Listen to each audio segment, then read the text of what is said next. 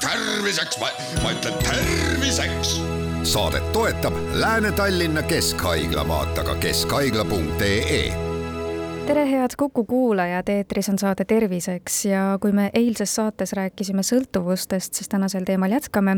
mina olen Ingela Virkus ja koos minuga on stuudios Lääne-Tallinna Keskhaigla sõltuvusraviosakonna vanemarst ja psühhiaater doktor Kaiti Redli, tere taas! tere! Me rääkisime eelmises saates, et äh, selline psühholoogiline taust ja kogetu, äh, mingid traumad, läbielamised ja sõltuvused on äh, väga tihedalt omavahel seotud, et mulle tundub, et tihtipeale paraku ei osata näha sõltuvuste taha, et et inimesel on olnud probleeme ja pigem kiputakse vaatama neid kuidagi nagu halvustava pilguga või kuidas teile tundub, milline on ühiskonna suhtumine mm. inimesse? ühiskonna suhtumine kahjuks on negatiivne, et me unustame väga tihti ära selle, et see ei ole midagi, mida inimene ise endale saab valida. see ei ole midagi sellist, mida inimene, millest inimene unistab, et kui ma nüüd ükskord suureks saan, siis minul, ma hakkan sõltlaseks. et et äh, tegemist on kroonilise ajuhaigusega ja samamoodi nagu, kui me eelmises äh, saates rääkisime sellest, et kas nad vajavad, inimesed vajavad kaastunnet ja ma ütlesin, et võib-olla ma kasutaksin pigem sõna mõistmine, siis me võime võrrelda seda diabeediga. See haigus on inimesel, see vajab pidevat ravi ja see vajab ka sekkumist ja psühholoogilist nõustamist peale seda, kui me oleme sellest nii-öelda sellest aktiivsest faasist välja saanud alati peale seda on veel vaja tuge kui tõsiseks sõltuvushäired minna võivad, et kuidas need inimese igapäevaelu ja suhteid lähedastega võivad mõjutama hakata? sõltuvushäired võivad minna väga tõsiseks, et need võivad minna nii tõsiseks, et inimene sureb ära. ja tõesti, lähedaste ja perekonnasuhteid võib-olla isegi võib öelda nii, et need hakkavad enne mõjutama, kui inimene paadist sellest ise aru saab, et ta on sõltuvusse jäänud Need suhted ongi esimesed, millest märgata, et kõik ei ole enam äh, korras inimese käitumine muutub. Äh, tema äh, käitumise keskpunktiks saab siis kas see sõltuvustegevus või siis aine, mida tarvitatakse, et ja, ja see ei ole ju kuidagi nii, et oi, et inimese välimus kohe muutub või et, et seda on äh, igale poole väljaspoole märgata. et kui me räägime, kõige lihtsam võib-olla ongi näide tuua alkoholi puhul, et äh, inimene, kes äh, joob iga õhtu kaks õlut või pool pudelit veini, mis on juba päris suur kogus, kui proovida, et ühel õhtul ei joo või läheb välja niimoodi sõpradega, et ühel õhtul ei võta neid klaasikesi, kui lihtne see on, et mida tema aju juba tegelikult on teinud, et et kas ta saab olla rõõmus ja kas ta saab oma päevapingeid maha laadida ilma alkoholita. ja kui ta saab aru, et see ei ole võimalik, või kui me räägime sellest, et keegi ootab väga reedet ja laupäeva, et siis on luba antud, et nüüd ma võin juua ükskõik kui palju, kuna järgmine päev mul ei ole tööpäev. et kas see on päris äh,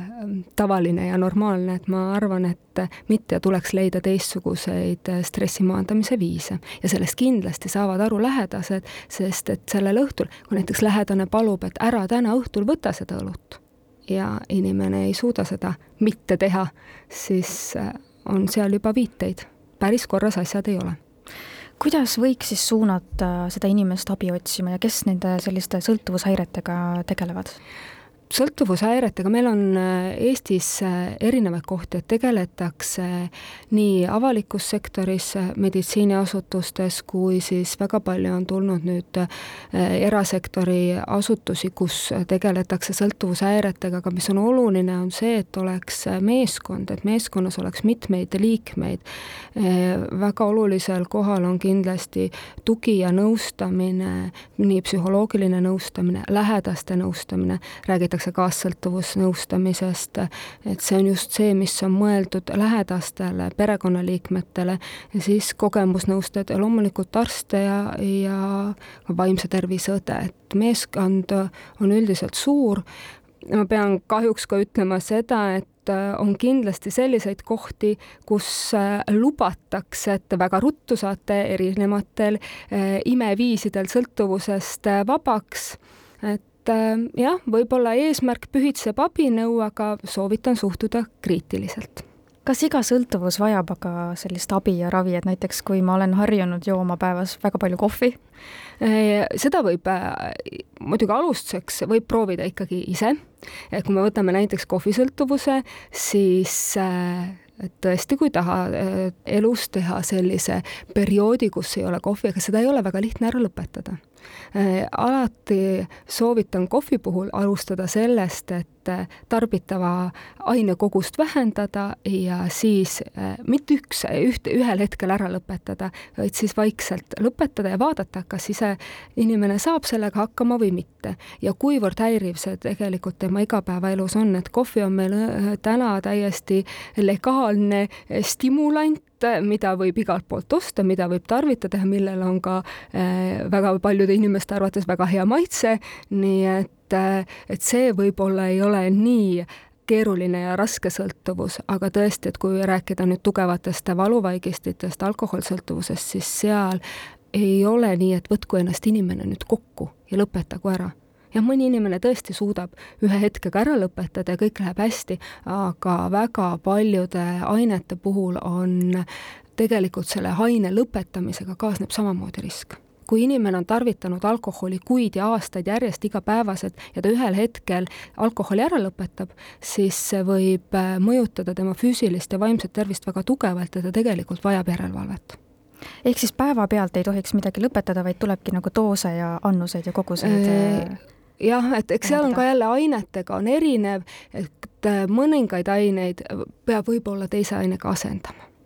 et äh, no alkoholi puhul on see, et kui alkoholi joomine ära lõpetada, siis tõesti, kui see üks hetk, kui kogused on olnud väga suured, see on väga suur risk tervisele selliste kergemate sõltuvuste ise lõpetamine nii-öelda, ma olen kuulnud näiteks, et suitsetajatel on see probleem, et see on natukene nagu psühholoogiline, et äh, sa lähed välja, äh, kohtad seal kolleege, te suhtlete, siis käsi nagu käib kuidagi, et see liigutus on ka kuidagi sisse mhm. juba kodeerunud. et äh, kuidas selliste sõltuvustega siis ise ikkagi hakkama saada, et on teil mõni selline hea nõuanne, et millega võib-olla seda tegevust asendada? et noh, te võite mhm. ju kolleegidega kokku saada seal rõdul või terrassil või väljas või suitsunurgas, aga lihtsalt, et asendada see suits mm. millegi muuga esialgu näiteks? vot äh, suitsetamisega ongi see, et nikotiinisõltuvus, nikotiin on väga tugev sõltuvust tekitav aine ja suitsetamist ongi väga keeruline ära lõpetada. ja ma julgustan kõiki inimesi abi saamiseks pöörduma kas või oma perearsti vastuvõtule, et et kui nüüd me räägime sellest, peame asendama millegagi, siis väga tihti inimesed asendavad äh, sõltuvustegevust näiteks spordiga aga siis tasub ka alati kindel olla selles, et tervis seda vastu peab, et ei tasu kohe maratoni äh, minna jooksma. aga suitsetamise puhul või näiteks alkoholi puhul jah, et kui see on juba äh, võimalik, kindlasti seal taga mida ma tahan rõhutada, on need psühholoogilised mehhanismid, millega tuleb ise tööd teha. et ainult äh, aine asendamine ei aita. et see on pikk protsess, sõltuvuse tekkeks on ka läinud väga palju aega, et see ei teki ühe korraga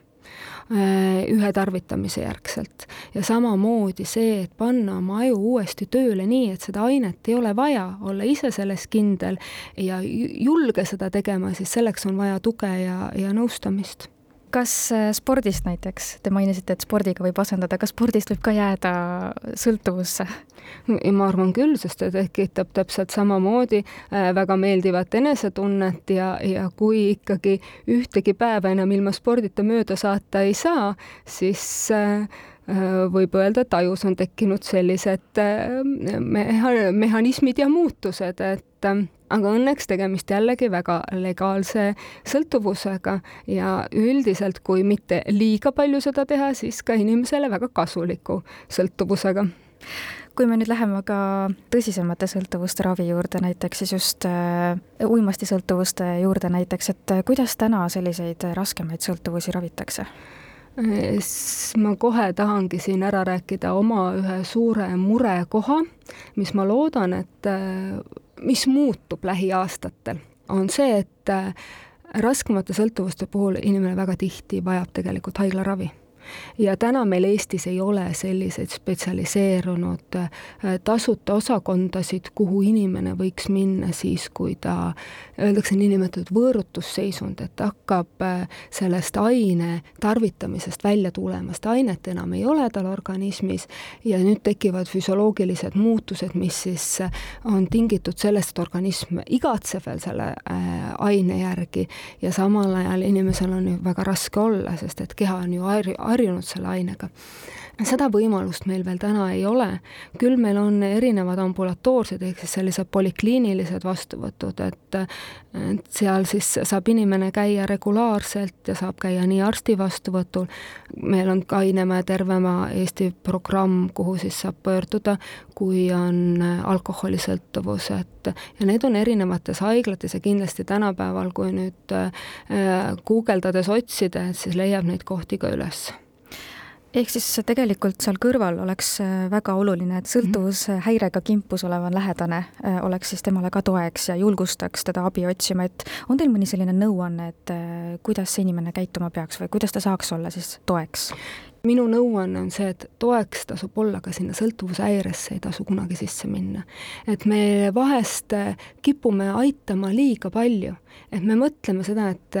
et, et kui mina nüüd teen midagi, et küll ta siis muutub. et need ahju, asjad kahjuks nii ei ole, et, et see inimene, kellel on sõltuvus, kellel on krooniline häire, tema vajab seda ravi, samamoodi vajab tuge ka see inimene, kes tema lähedal on. Väga tihti on äh, lähedase jaoks äh, veel alguses äh, veelgi raskem, kui tema seda märkab ja ei suuda ja no nii, nagu nad ise ütlevad, et nad ei suuda seda ju selgeks teha inimesele, kellel on sõltuvus. ma väga soovitan kaassõltuvusnõustaja poole pöörduda aitäh teile saatesse tulemast ja nõu andmast, Lääne-Tallinna Keskhaigla sõltuvusraviosakonna vanemarst ja psühhiaater doktor Kaiti Reedlich ning äh, palju jõudu ja jaksu teile! aitäh teile!